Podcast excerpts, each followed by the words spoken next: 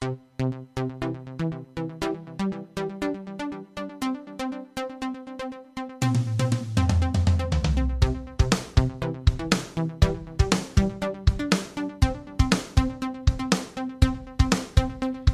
og velkommen til en ny episode av Rørospodden med Torny Vigum. I Rørospodden inviterer jeg ulike personer tilknyttet Rørosregionen som har en unik historie å fortelle, som gjør at du som hører på, kan bli inspirert av deres historie. I dagens episode av Rørospodden så har jeg invitert med en person som har betydd mye for meg opp gjennom oppveksten og helt fram til nå. Det skjer bestandig så mye rundt denne personen, og det har det alltid gjort, og det er på godt og vondt. Vendepunktet for denne personen kom for elleve år siden, da han tok et oppgjør med flaska. Velkommen i studio, kjære superonkel Magne Kolstad. Jo, takk for det. Ser det med deg i dag? Ja, den er bra, vet du. Er det det, ja? Ja, Så bra. Du, Hvilken tilknytning er du har til Rørosregionen, for å begynne med det? Ja, jeg er født og oppvokst her, da. Ja, En av her jeg har bodd. bodd her hele livet, du. Ja, bortsett fra å være borte på arbeid og slike ting, så er det her jeg har bodd, ja. Det er. Og de fleste kjenner jeg med tresko og ullsokker. Ja, i hvert fall før, eh, kanskje, kanskje til dels nå, men eh, før var det vel det som var litt varemerket, kanskje. Mm. Du, Magne, jeg må gratulere deg. Nå har du faktisk eh, vært edru i elleve år, du. Ja. Så stort! Jeg er så stolt av deg. Ja. Det er nå eh, for så vidt sjøl òg, stolt over det. Eh, det må jeg da si. Ja, for du hadde litt mer sånn anstrengt forhold, eller ikke anstrengt forhold, men eh, til alkohol, du. Ja, jeg var, jo kom jo til et punkt da etter hvert har jeg fant ut at eh, Eller jeg har jo visst det lenge før det, da, men eh, det var da jeg på en måte var, var på bunnen. Og det var jo på desember i 2007. Rett før jul. Rett før jul. Så da, da var jeg på en måte Da var jeg metta på, på både tunge, tunge tider med styring av eh, rusen, da. Mm. Men når, når starta det her, Magne? Når, hvor lenge på en måte gikk det før at du skjønte at du var alkoholiker?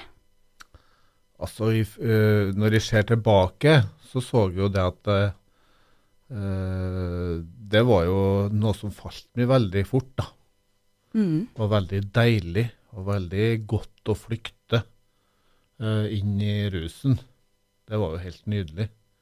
Uh, så det uh, Men det skjønte jeg jo ikke da. Uh, det var jo da var liksom sånn skulle det være, det var herlig og befriende å kunne gjøre gjør både sprø og gale ting, for å si det sånn. Eh, og aldri på en måte være noe bekymra noe mer over det. Eh, men som sagt, allerede fra første stund i, ja, Første runden hadde jeg jo når jeg var tolv år, da. Eh, men eh, så ble det jo Men i seg fra konfirmasjonsalder, da, så var det jo eh, Det var deilig. Ja, hva det var for noe type alkohol gikk mest i? Var det øl, eller var det sprit? Nei, det var hjemmebrent. Da du starta rett med hjemmebrenten? Ja, det var jo det som var vi klarte å få til. Mm. Så det var hjemmebrent, det. Mm. Men var det hver helg på fest, eller var det oftere enn det? Altså, i konfirmasjonsalderen så var det jo helgene. Eh, det var jo det å ut på fest på lokalet, og, og det det innebar, da. Både på godt og vondt, som du sa i, i begynnelsen her. Så det, det var det det dreide seg om eh, til helgene. Men senere, da? Ble det oftere da, eller eh, når begynte det liksom den eh, hyppigheten av inntaket, eller hvilke forhold? Nei, altså det, det gikk jo sånn eh, mer eller mindre sånn i rykk og napp, da. Men det på en måte var jo ganske tidlig så ble det jo ganske mye konsekvenser for meg etter uheldige og, og ja, hva skal jeg si, uheldige situasjoner på fest, da. Eh, både med voldsbruk og, og ja, kjøring i påvirka tilstand. Eh, så at, eh, og det er klart at det tynte meg jo mer og mer. Eh, konsekvensene eh, ble jo bare tyngre og tyngre. Og, og, mm, men samtidig så hadde jo fine perioder, kall det sånn, da, der jeg drev med motorsport og scootercross.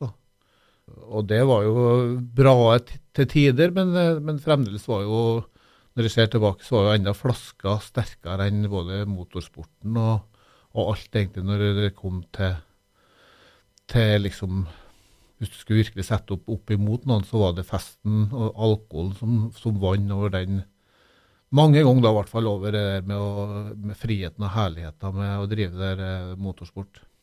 Så det var, så det var flasker som du prioriterte i store perioder. Men var det andre perioder der du var edru, der du ikke drakk? Når du holdt på med motorsport, f.eks.? Ja, det var jo perioder der jeg ikke drakk, eh, og det, det var det jo. Det var eh, mange helger når det var lange racer og slike ting, så var det jo mindre med alkohol. Eh, men, jeg- men fikk jo mulighet, så, så, så var jo flaska med. Eh, men det er klart, akkurat i de periodene når jeg kjørte løp, da, så på vinterstid så var det jo Da, var da fikk en veldig ut, utfoldelse av det som kanskje var innvendig, med litt galskap og, og adrenalin i forhold til det å konkurrere. Og, og har vel òg vært litt prega til det at jeg hører sjelden et sånn eh, rimelig heftig konkurranseinstinkt, da. Eh, Ja, jeg har, jo, jeg har jo vært vitne til det sjøl, i hvert fall på bakkeløpet oppe i åren. ja, Var det noen som var frammest, så var det Magne Kolstad. ja, det har vel hengt med meg litt, både når uh, alt ifra, hva jeg skal si, nesten fra ludo til, til, bakkeløp i åren, så har det liksom ikke vært noe Jeg har ikke gitt noe ved dørene, da, for å si det sånn. Nei, så kommer vi på som sagt, den interessen for motorsport, og så hadde jo motorsykkel òg. Så når jeg var jeg vet ikke hvor gammel jeg kunne være, mellom 12, 12 13, 14 år, Ja. så var det spørsmål om jeg kunne få være med Magne da på motorsykkeltur. Ja. Men da ble det plent nei. For at enten så var jeg full gass, eller så var jeg helt rolig. Ja. Så var liksom ikke noe mellomting. Så det fikk jeg ikke lov til. Så den må vi ta igjen en gang, Magne. ja, det- blir mulighet for det. Ja, Absolutt. Men det var ikke jeg som sa nei. Det var ikke du som sa nei, nei. Det var dem hjemme bort med meg. Ja, ja. Oh. Det var det. Men eh, når du da var eh, Når du da holdt på å drakk, Magne, Mm. Hvor lange perioder var du på en måte påvirka når du først satte i gang? Altså, det eskalerte jo. eh, så, så kan jeg si, når jeg slutta med scootercross og slik, da var det jo på en måte, da var det alkoholen som var vinneren eh, på helgene. Og da var det fredag til søndag. Eh, det var jo da i 20, mellom 20 og 30-årsalderen. Mm. så var det jo oftest da, til helg. Eh, men, men, men fra 20 til 30 år så, så eskalerte jo fra måned til måned. Og mer og mer eh, tredagers eh, fra arbeid og slike ting. Eh, mye sjukmeldinger, og da på en måte for, altså med bakgrunn i å få lov til å drikke i fred. da. Og drikke lenger og være Ja, For for vi klarte jo ikke å stoppe, da. For da kjente du på at du ville heller sitte og drikke enn å være på jobb og gjøre ting utenom eh, rusen, da. Ja, Mm. det var det som var Så, du ville, så da begynte alkoholen da først da å, gå utover eh, arbeidsgiveren din? Ja, det kan jo si. Og, og det er klart eh, Mye sjukmeldinger, eller god del sjukmeldinger og egenmeldinger var, ble jo, det var jo nesten uten unntak eh, pga. alkohol. da. Fikk du noe spørsmål av arbeidsgiver rundt det her? Ja, altså du blir opparbeidet og være, bli smart da, når du, når du er avhengig av ting, og du er nødt til å finne måter på å få lov til å holde på i fred. Og det er jo Det, er jo, det måtte jo jeg gjøre òg. Og på den arbeidsgiveren jeg hadde da, så, så meldte jeg meg sjøl, da, som Akan-kontakt. Eh, altså Hva det innebærer? eh, Akan-kontakt, da, da er du med å hjelpe folk som har problemer med rus og alkohol. Så da gjorde du det for oss å på en måte dekke over deg sjøl, da? Ja, for da på en måte er jo jeg Akan-kontakt som på en måte kan hjelpe andre som ikke møter opp på jobb. og ja, Så egentlig så var kanskje du sjøl som skulle ha hatt hjelp av en, en sånn en. ja definitivt. Mm. definitivt. Men det var på en måte ett ledd i, i ja, kall det manipuleringa, og det, det råe racet som er med å få lov til å drikke i fred da, uten å bli konfrontert for mye med. Ble det mye løgner sånn etter hvert? Eh, det var jo det var jo det det, det, det, det handla om. eh, Løgn og manipulering. Eh, og det er jo alt ifra nærmeste familie, eh, arbeidsgiver eh, Etter hvert så ble det jo eh, samboer og, og jeg kaller litt ja, Hun er kona mi, da. Eh, For du møtte jo henne da under denne perioden din. ja, det gjorde det. Eh, Da var jeg jo eh, så, så det ble jo, og, og ikke minst lege og helsevesen. Mm. Men, men det, det er jo ingen skrupler når du, når du har fått blitt tatt i grepet til, til rusen og, og alkoholen, så, så er det ingen skrupler på noen ting. Og det så jeg fikk utskrevet eh, ja, jeg vil si massevis av eh, B-preparater som eh, Sobril, Valium og den, i den klassa der, for å på en måte klare å komme inn igjen når jeg ikke klarte å ta inn mer alkohol. For etter hvert på slutten så, så stoppa jo kroppen, jeg fikk ikke ned noe mer da. Og da måtte jeg ha noe for å, å komme meg i gang igjen, som får i gang kropp og, og funksjonere, fung, fung, fungerer, for å si det sånn. Ja, men hvordan klarte du å fungere gjennom alle de her åra, da? I både familie, sosiale settinger, i jobb? Nei, altså det, eh, det ble jo Jeg måtte jo på en måte utad prøve å være så normal som mulig. Eh, og det var ja, klart jeg hadde mange utskeielser eh, i det offentlige, for å si det sånn. Men, men eh, hoveddrikkinga mi var jo ikke ute blant folk. Min hoveddrikking var enten til ei bu oppe i fjella eller eh, i kjellere hjemme Mm. der jeg fikk drikke i fred. At ingen som la seg borte, for det var jo det var jo verste, verste som var. Eh, Jeg jobba jo mange år i Sverige, og der eh, hadde jo en kollega, en veldig god kamerat Tom i dag, han, han ble ekkelt for meg, da, for han konfronterte meg. 'Faen, Magnar, du søper i helgen nå?' Ikke sant? Og det er sånne ting som du må prøve å unngå. da. Eh, Ble ubehagelig, det. det blir ubehagelig og konfrontert, for at du så da, eh, klart det, helg på helg fra kanskje torsdag til mandag, tirsdag. Eh, starter litt pent på torsdagen, og så øker på, så drikker vi ned mandagen og tirsdagen. Så helga ble bare lenger og lenger, da. Ja, den vært ble lenger og lenger. Og, eh, og det er klart, når du blir konfrontert med det, så er det ekkelt. For du vet du på en måte gjør noe som ikke er normalt. Tenkte du på en måte over det han sa til deg da? At du burde oppsøke hjelp, eller å slutte å drikke så mye? Ja, altså jeg ble jo Første gangen var jeg i 91. Eh, da, da ble jeg inn, innbedt på et møte med en eh, dessverre mann som er borte i dag, som introduserte meg for eh, AA da, Mm. i 91. Men det, der var det jo Jeg var med på et par møter, men der var det jo da altså I mine var det sånne superalkiser, ikke sant? Sånn som kanskje mange i dag tenker på alkoholikere. Eh, og der mente jo jeg at jeg var jo definitivt ikke. Nei, så du Eh. innså ikke at du på en måte var en, hadde så stort problem som de hadde, da? Nei, nei. Og det jeg det var, De var oppe i eldresenteret, og det, det var helt hårreisende. Så, så, det, så jeg var kan jeg si enkelt, jeg var ikke ferdigdrukken da, da, på langt ned. Eh, Men du måtte ha brukt vanvittig mye penger på det her. Fikk du økonomien til å gå rundt, da? Ja, jeg gjorde det på et vis, og, men det var klart, det gikk jo på bekostning. da, Jeg måtte jo slutte bl.a. med scootercross. da. Ikke sant, For det gikk ikke å harmonere. eh, For det var en ganske dyr sport, og jeg holdt jo på bare å knote sjøl. jeg vet at mamma var og så på meg på Volldal inn på ett løp, og det tykte jeg var så hustrete og tørsa ikke noe mer. ja. Eh, så det var, ellers så, så jeg holdt på å knote sjøl, jeg hadde jo veldig god hjelp i Tydal MK. Mange gode, gode folk der, og søskenbarn i Tydalen som hjalp meg veldig. og uh, men, men det var ikke eh, økonomi til å drive med begge deler, da. Så da valgte du flaska. Ja, altså det var enkleste var å si det at det er så dyrt å drive med scootercross, så er det nødt til å gi meg, sant? Mm. Uh, men sannheten er jo det at da ble det jo enda litt mer rom for å, for å drive med drikking. Mm. Uh, For er det jo noe som virkelig koster, så er det jo å holde på med det der.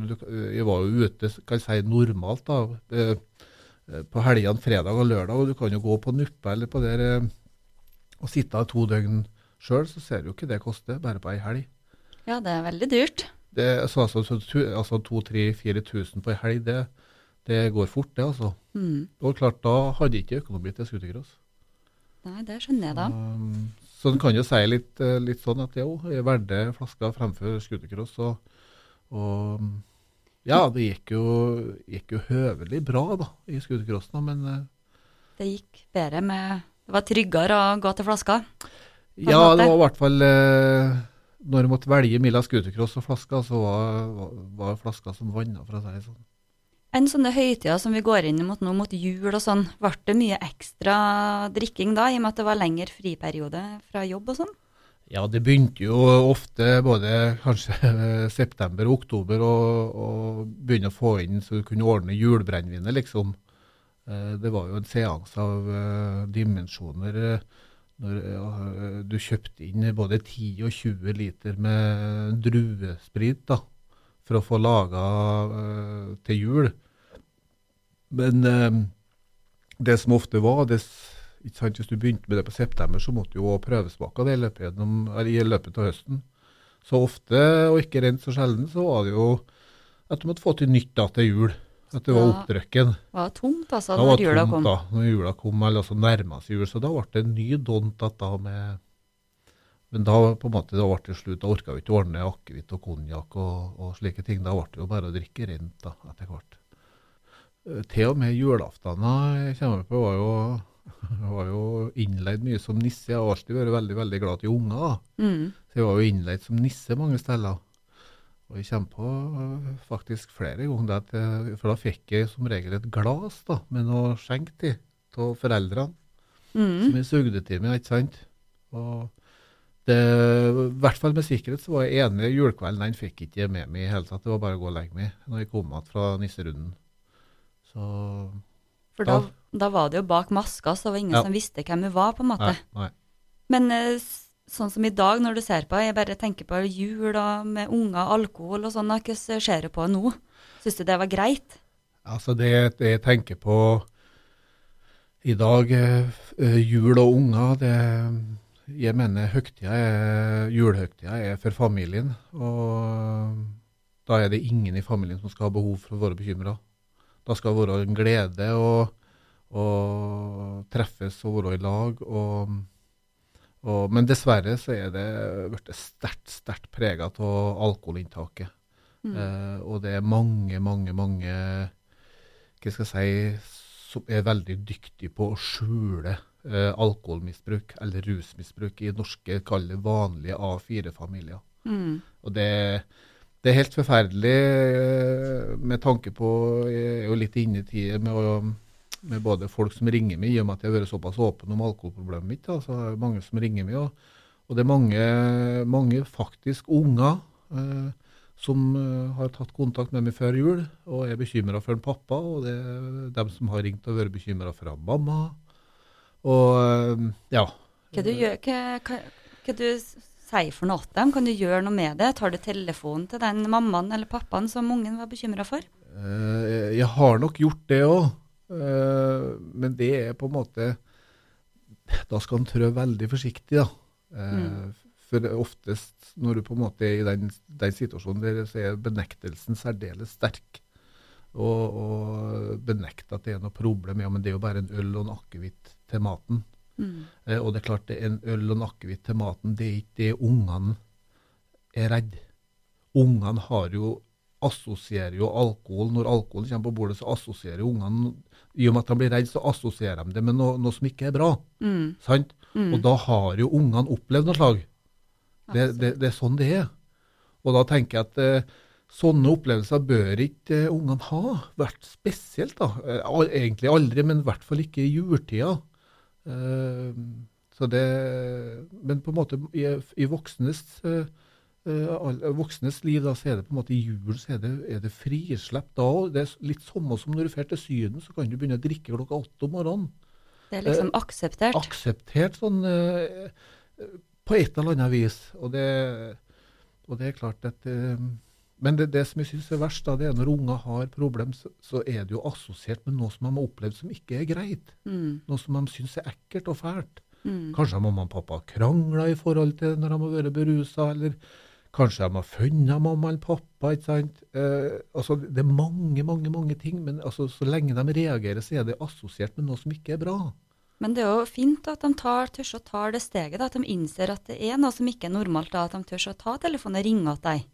Ja, men det er jo ganske vondt da, eh, Mm. å, å høre hva, egentlig ikke fælt ungene har det. Og når unger, ikke sant, det, det er jo, de er ofte unger, jeg vet ikke, de er jo faktisk mellom 15 og ja, 40 år, Mm. for å si det sånn, da. Og Ja. fremdeles sitter tid. Mm. Når de skal hjem, altså eh, som voksen nå, så kommer du hjem, eh, skal hjem og ta mamma og pappa på julemiddag, kanskje du har med din egen familie, eh, og, og fremdeles har den frykten for, kommer brennevinet på bordet i dag òg? Sånn? Og da er det klart, da har det satt spor Mm. eh, som vedvarer med deg sjøl opp i voksen alder. Og da er det klart at da har det vært mer enn et normalt forbruk. Eh, ja, det, det er faktisk flere tilfeller, og, og jeg får utrolig mye gode tilbakemeldinger på det med å være åpen. Da, at de, eh, mange Ja. setter pris på å kunne ringe til meg for at de føler at de forstår når de ringer og forteller meg problemet. Mm. Og det, det syns jeg Jeg syns jo at du har en sånn egenskap der du er veldig Du er jo veldig åpen, og så har du den eh, at du ser alle sammen. Så har du bestandig tida til å ta den praten. Det er jo ikke alle som har heller i dagens samfunn. Men Magne, når var det på en måte at det ble slått alarm rundt deg i forhold til alkoholmisbruken din? Altså, det, det eskalerte forferdelig sist på 90-tallet. Eh, og jeg ble jo pappa i 2001 og tenkte at eh, nå blir det bra. Og likeens ble jo pappa i 2004. Akkurat samme reisa nå skal det bli slutt på de eh, fyllkulene. Men, men sannheten er at det, fra sist på 90 og frem til i 2007 så, så eskalerte bare igjen. Det, det var nesten fritt fall, altså. Mm. Eh, og enda mer med manipulering, løgner. Ja, for, Og ja, for du måtte jo på en måte Da hadde jo en familie òg, da. da hadde jeg familie, jeg hadde jo svigerfamilie og, og min familie og mine unger. Eh, men jeg, det er fælt å si det, men altså, jeg, jeg valgte flaska framfor eh, alle. Både min egen familie, mine egne unger, uh, Linneva, alle sammen. Mm. Det var Var jeg på fylla, så var jeg på fylla. Så enkelt var det. Uh, Det var så sterkt, det der uh, kreftene i alkoholen og, og det, det suget etter Eller bekymringen for å slutte av da. At, at jeg, du, du klarte ikke å lande. Og da, om ungene hadde farang eller var dårlige, da, så det Ja. Det, det spilte ikke noen rolle. Nei, Du, du fikk bestandig tida til å ta i den Ja. supen uansett, du. Ja, ja. Og holder jo på Og det er klart det blir jo mye faenskap når, eh, når alkoholen er med i bildet. Det er jo ingen, eh, ingen som helst tvil. Vi fikk jo vi fikk jo et godt eksempel eh, senest i går. eh, Ikke sant? Når folk bedrifter bedrift er på julebord og ender opp med et drap. sant? Det har mest sannsynlig ikke skjedd, har det vært, vært edru. Nei. Og da, da, da ser du bare hva Det er en konsekvens. eh, eh, en, en særdeles eh, rå konsekvens, da. Men, men eh, alkoholen er sterk, og, og for min del også er det Ja. Det Det er i hvert fall noe jeg er særdeles glad over, er at jeg slipper eh, skiten der. Men eh, det var jo en kamp for deg, jeg måtte være, når at du på, i 2007, da, rett før jul, Ja. valgte å bli lagt inn. Ja, altså, eller jo, jeg valgte jo det, du har rett i det, Torny, men men jeg kjempa veldig vel, da. Eh, Jeg endte opp på Tynset sykehus, og eh, da var jeg, da var jeg skikkelig I 2007, 6 og 7, da, det var to, det, da var det fritt fall. Og, og jeg kommer jo på så var det Når hun vekte meg om natta, da, en åtte-ni timer etter jeg ble innlagt på Tynset, så ville de ha blodprøve og, og, og måle promillen. Og ikke sant, da hadde jeg en promille på 3,6. Åtte-ni timer etter jeg slutta å drikke. Ehm, og så sto det òg en Post-It-lapp som hun kom med fra Linn Eva og av mamma. Mm. Uh, der det sto at uh, det er ordna plass på Vangseter. Eller kom eh, hjem til tomt hus. Vil du til Vangseter, så kommer vi og henter i morgen tidlig. Mm. Og da valgte du Vangseter? Eh, ja, det tror jeg nok kanskje var eh, mye av én ting da, som gjorde utfallet. Og turen var det at da mamma var med. Eh, det var broren min som kom og henta meg. Mm. Og turen var at da mamma var med. Da eh, forsto jeg nok ganske fort at, at eh, ja, jeg klarer faktisk ikke å vri meg unna her nå. og, måtte være med da til Vangseter og kom dit eh, den 5. desember i 2007. Ja. Mm. Hvordan, eh, var det å gå fra tre, over tre promille og den, den prosessen til å bli edru og tida etterpå? Ja, det var Da jeg kom på Vangseter eh, For første turen til, til Vangseter på Hamar fra Tynset sykehus eh, ja, Jeg kunne ha gjort hva som helst for å fått eh, brennevin den, på den turen. Eh, men det fikk jeg jo ikke, og kom dit, og da var jeg inn på et sånt overvåkningsrom i tre døgn. Ja. Hva sa du da, Magne? Nei, det, var, det går ikke an å beskrive det rene Det, var, det kan vi si er rene helvete. Eh, Hadde du abstinenser? ja, abstinenser, angst eh, Altså, jeg svetta, fraus. eh, jeg vet ikke om Mona, Mona som eh, tok imot meg på Vangseter den gangen, jeg vet ikke hvor mange ganger hun skifta sengeklærne mine. og eh, Jeg satt inne i skapet, jeg lå på inni senga. Jeg, ja, der lå jeg i tre døgn. Og ja, jeg kommer på det, faktisk. Mm. Trodde du da at du skulle klare? Nei. Da, jeg, da var jeg bare helt nede. Helt jævla nede. Og det, det eneste du ville da, var å Altså, da, det er på en måte, og som jeg sa da når jeg begynte etter hvert å komme ut i der eh, fora der eh, andre alkisene satt, da, så, så spurte jo terapeuten min om jeg lurte på uh, hvorfor jeg var der. da.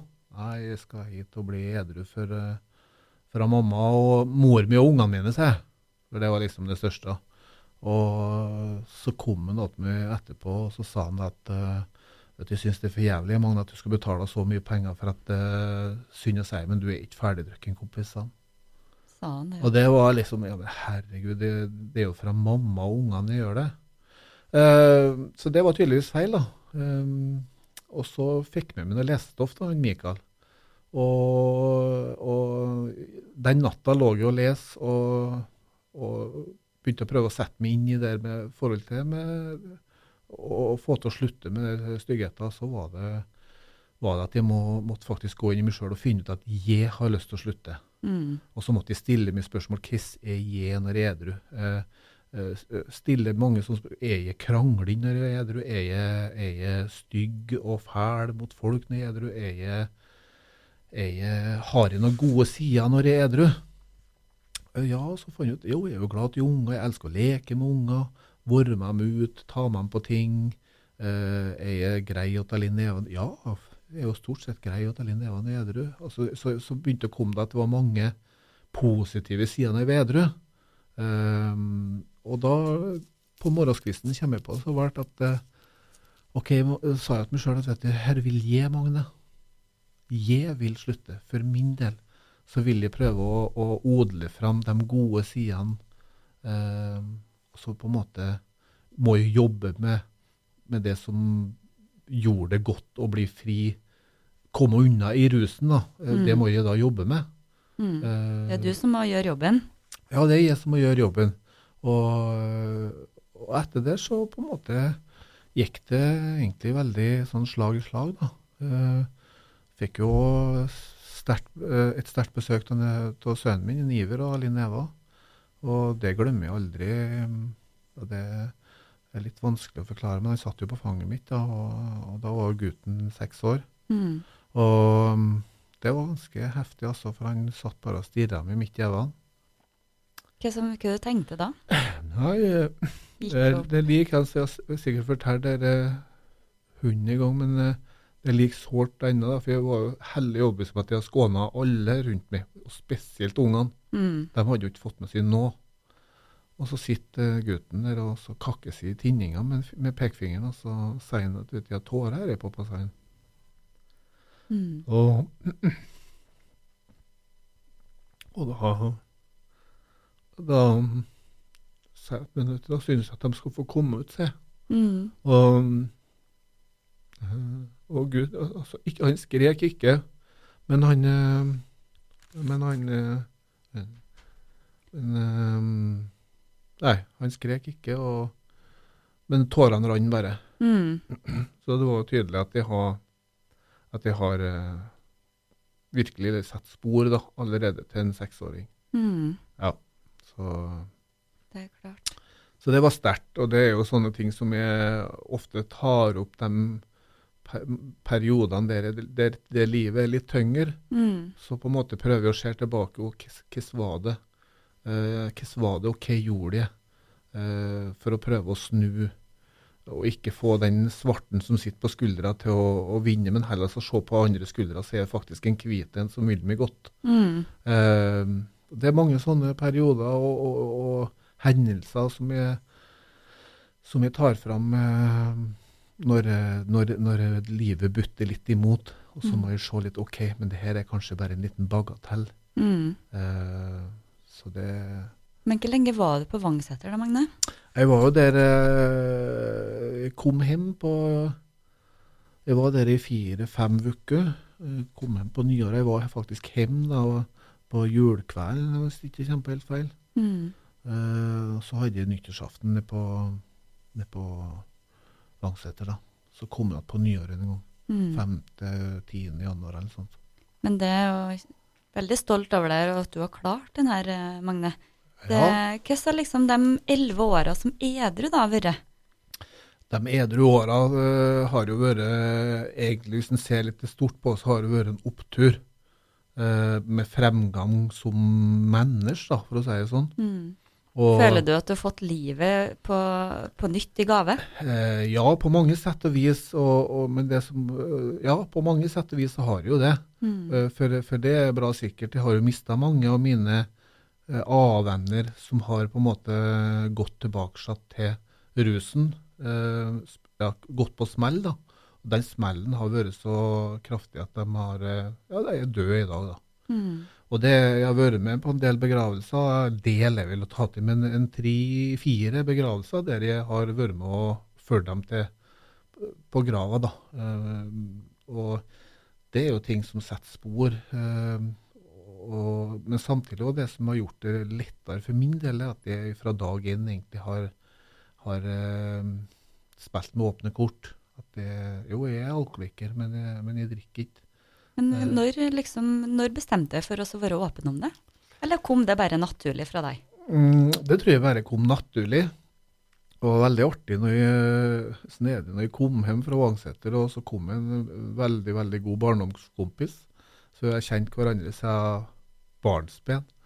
Og så, som vi òg festa veldig mye i lag, da. Mm. Og til og med han eh, sa Men faen, var så jævlig av Kolstad, sa han.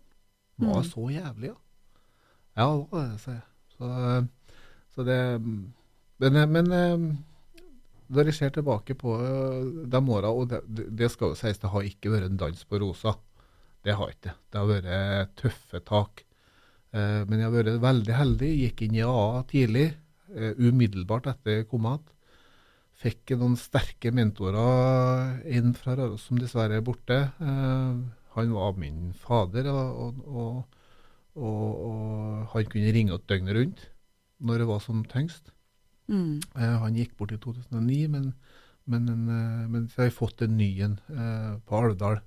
Og eh, vi ringes tilnærmet hver uke, og der kan jeg spy ut både eder og galle, og jeg kan òg fortelle om både Ja, fortelle om alt, da. Gleder Mm. og sorger. Og, og det, det er veldig viktig med sånne personer for min del, da.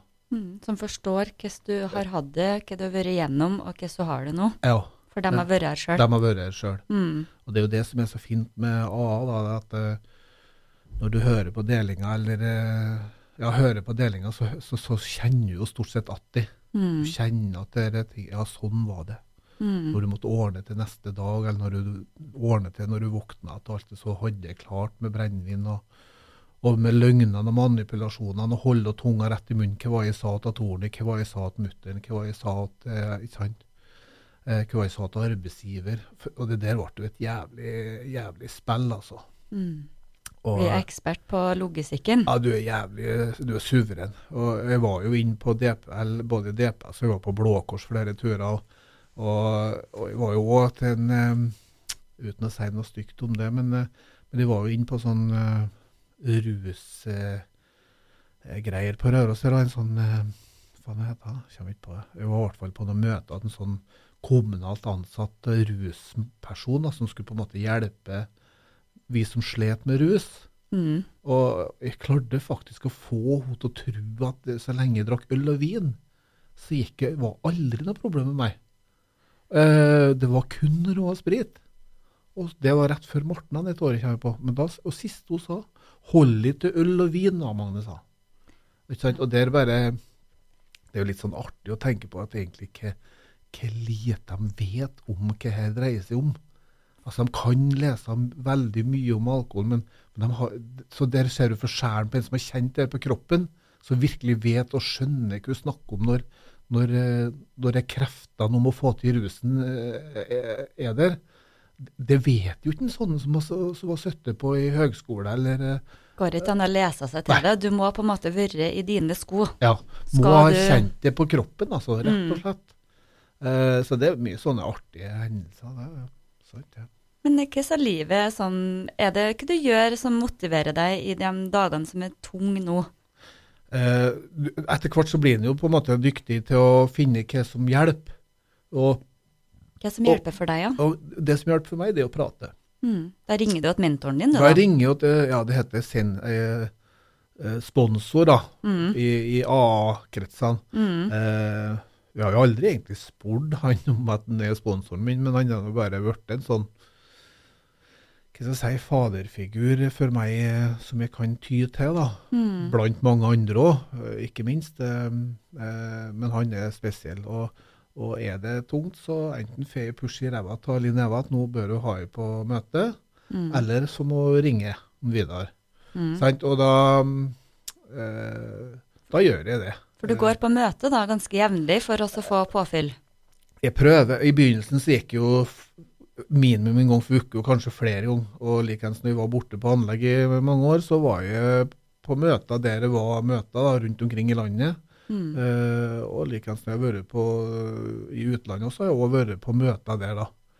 Og det, det spiller ikke noen rolle om du er i, i, i Østersund, eller om du er i Oslo, eller uh, Elverum, eller uh, Mosjøen for den del, eller Stjørdal, så, så på en måte blir tatt imot som en uh, Ja, det er, ingen, det, det, det er et særdeles godt fora å, å gå i et AA-møte. Så du blir tatt imot med åpne armer Ja. uansett hvor du, Ja, hvor du kommer. Ja. Som å komme hjem, da. Ja, da kommer du hjem Mm. blant dine. eh, og du, ja, det har jeg bestandig egentlig fra starten av følt at her er, her er min medisin. Mm.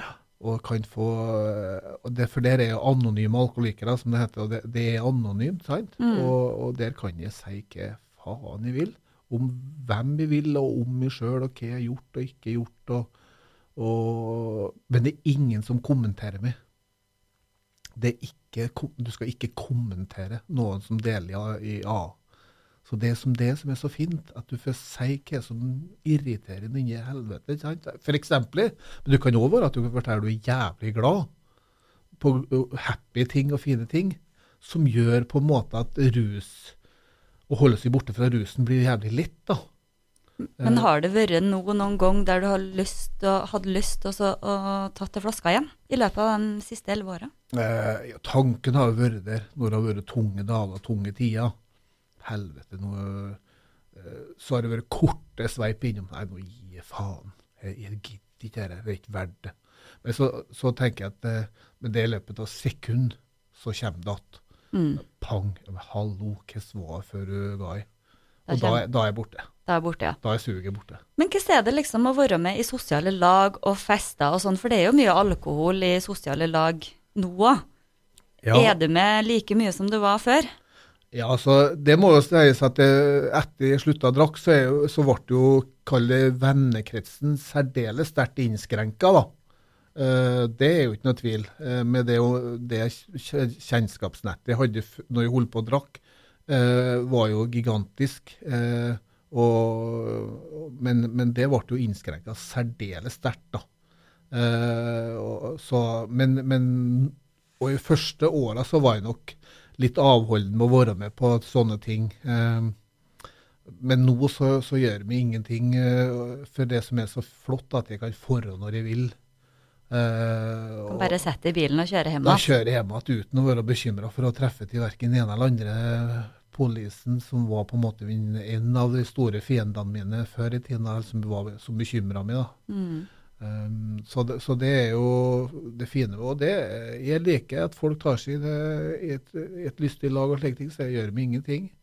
Uh, det som ofte jeg ikke er så veldig begeistra for, er at, at uh, hvorfor ikke prate når de er, er edru? Komme og si ja, men jeg har en onkel, jeg har en bror, eller jeg har Folk blir ofte litt mer åpne ja, etter et par det. glass. Ja, og da inviterer jeg dem til å komme igjen når de er edru, men det Har du fått det igjen noen da? Nei, sjelden, da. Men, men, det som jeg ofte gjør nå, det er at når jeg, begynner, når, når jeg på en måte jeg føler at de bikker over, og kanskje noen ganger kan bli litt ufin, eller som jeg ikke liker, så er det så veldig enkelt. Det er bare forhold. Mm. Så enkelt det er. Hva du fyller tida di med nå, Magne? For at Før så brukte du veldig mye tid på å drikke, da, når du ikke gjør det lenger. Hva du, hva du fyller tida med, de, med da? Eh, etter jeg slutta, så var ofte så, så, skal jeg være ærlig på at jeg, jeg fylte med veldig mye jobb. Jobba døgnet rundt, da? Ja, jobb, jobb, jobb. jobb, jobb. Uh, og jeg jobba på asfalt. og altså, ikke sant, Når du jobba fra seks morgenen til ti og tolv om kvelden, så var det på en måte bam, rett i søvn, tomt, ferdig. Um, Men du var jo hjemme i helgene, vet du det? Jeg var jo hjemme i helgene, det var jo det. og da, uh, da var det jo på en måte å ta igjen det tapte med ungene, da, uh, som engasjerte meg. Og så var det jo vei at Men de senere åra så er det fremdeles Jeg liker å jobbe, da. Driver, det vet jeg. Bestandig noe prosjekt på gang. ja, så nå er jeg jo på flyplassen og stortrives der. Og, og, samtidig så kjører jeg jo litt løypemaskin på vinteren og stortrives med det. Eller så stiller opp for alle andre nå, du Magne. ja, jeg, jeg, jeg Det gjør du bestandig. jeg, har jo kanskje fått hørt det noen ganger siden tid at eh, jeg har vært litt dårlig på å sagt nei, da, men jeg elsker å hjelpe folk. da, mm. eh, Og se gleden til når eh, som jeg trefte ei dame på Kiwien i går kveld. 'Skal jeg skysse hjem', sier jeg. Og ja, men kan Jeg skal Uff, nei. Ja, ikke sant. Og så syns jeg det er bare stor stas når du ser hvor glad jeg blir.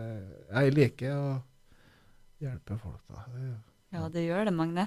Og det er aldri noe problem å ringe til deg, for du stiller bestandig opp. Det er fint. Ja, det... det... setter vi pris, bra. pris på. Mm -hmm. Men Magne, bare sånn for å avslutte litt sånn her nå. Ja. Det er jo sikkert mange da som har det sånn som du hadde for elleve år siden. Mm. Men altså, det Har hun noe, på en måte noe råd, eller må hun komme på det sjøl? Nei, det er altså øh, Jeg var jo veldig heldig. Jeg beholdt jo familien. Øh, mm. Og ære være Linneva og ungene mine, uh, som, som, på en måte har hjulpet meg da, i denne perioden. Linneva det går jo ikke an å beskrives med ord. Det, det fins ikke. Det er bare ubeskrivelig. Uh, så at, men, men, søk hjelp. Søk Ring noen, ring meg eller hva, hva som helst. men søk hjelp fra startfasen. og så og så må man på en måte finne ut om man har han lyst til å slutte å drikke, så må han ville det sjøl. Mm. Og da kan han på en måte ikke Eh, jeg må se mulighetene du får når du blir edru, i stedet for å se begrensningene. Jeg har hørt mange at ja, da kan du ikke være med på fotballfesten, da kan du ikke være med på julebordet, kan du ikke være med på ditt, så lenge du ikke drikker sjøl. Mm. Men altså, alt går an når du er edru. Du kan gjøre hva som helst. Du kan det. Men du har jo noe livsmotto, Magne? har du noe motto som du, som du lever etter? Eh, det, det, er jo et ganske rått samfunn å komme til. og jeg prøver å menge meg med folk som gir meg energi, i stedet for å stjele energi. Jeg er helt enig med deg. Eh, det det syns jeg er veldig Men så jobber jeg, men jeg, jeg, jobber hver dag på å prøve å være så bra som jeg kan. da. Og, beste utgaven av han sjøl? Ja. Mm. Prøve å gjøre det beste ut av det. Og så må jeg på en måte, hvis de gjør en brølere, så må jeg bare stå for det. Og- tilstå. Nei, tilstå, du gjorde en feil. Ja, der ble feil. Mm. Eh, så sånn er det. Du, hva ser framtida di ut? Eh, Eller det, du ser på framtida? eh, det ser jeg lyst på. Eh, det er jo selvsagt veldig viktig det med ungene og, og hjelpe og bistå det jeg kan der. Eh, og ellers så bare leve av livet, egentlig. Har fått litt sånn eh, Begynt på at heldigvis å kjøre litt mer aktivt motorsykkel. Det er jo, det er jo helt uh, sinnssykt.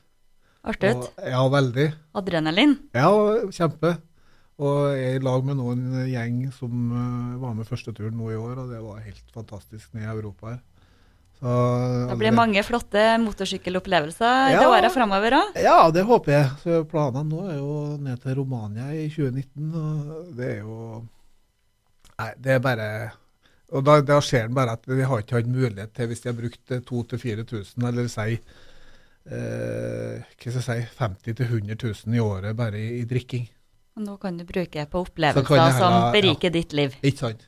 Så bra. Men nå er det snart jul, Magne. Ja. Da sier vi god hvit jul. Eller hva du vil si der? Eh, ja, i hvert fall eh, tenk på, tenk på ungene, sier jeg. Og om det da tas en øl eller så, det, men, eh, men eh, tenk på ungene. Mm. Tenk på at ungene skal ha det bra. Så Viktig budskap. ja, det syns jeg. Jula er for ungene. Definitivt. Og plutselig, du vet det, både for voksen og ung, så får nissen og gjennom kikke nå før jul, så, så take care. Take care. Tusen hjertelig takk, Magne Kolstad, for at du kom og delte din fine historie. Ja. Sterke historie. Ja, takk for at jeg fikk komme, Torny. Og god jul til deg. Takk likeens, Torny og Melissa. Tusen hjertelig takk, Magne Kolstad, for at du kom og fortalte din historie. Og tusen takk til deg, kjære lytter, som hørte på. Du finner også Rørospodden under navnet Rørospodden på Facebook og Instagram. Vi snakkes neste uke. Ha det bra!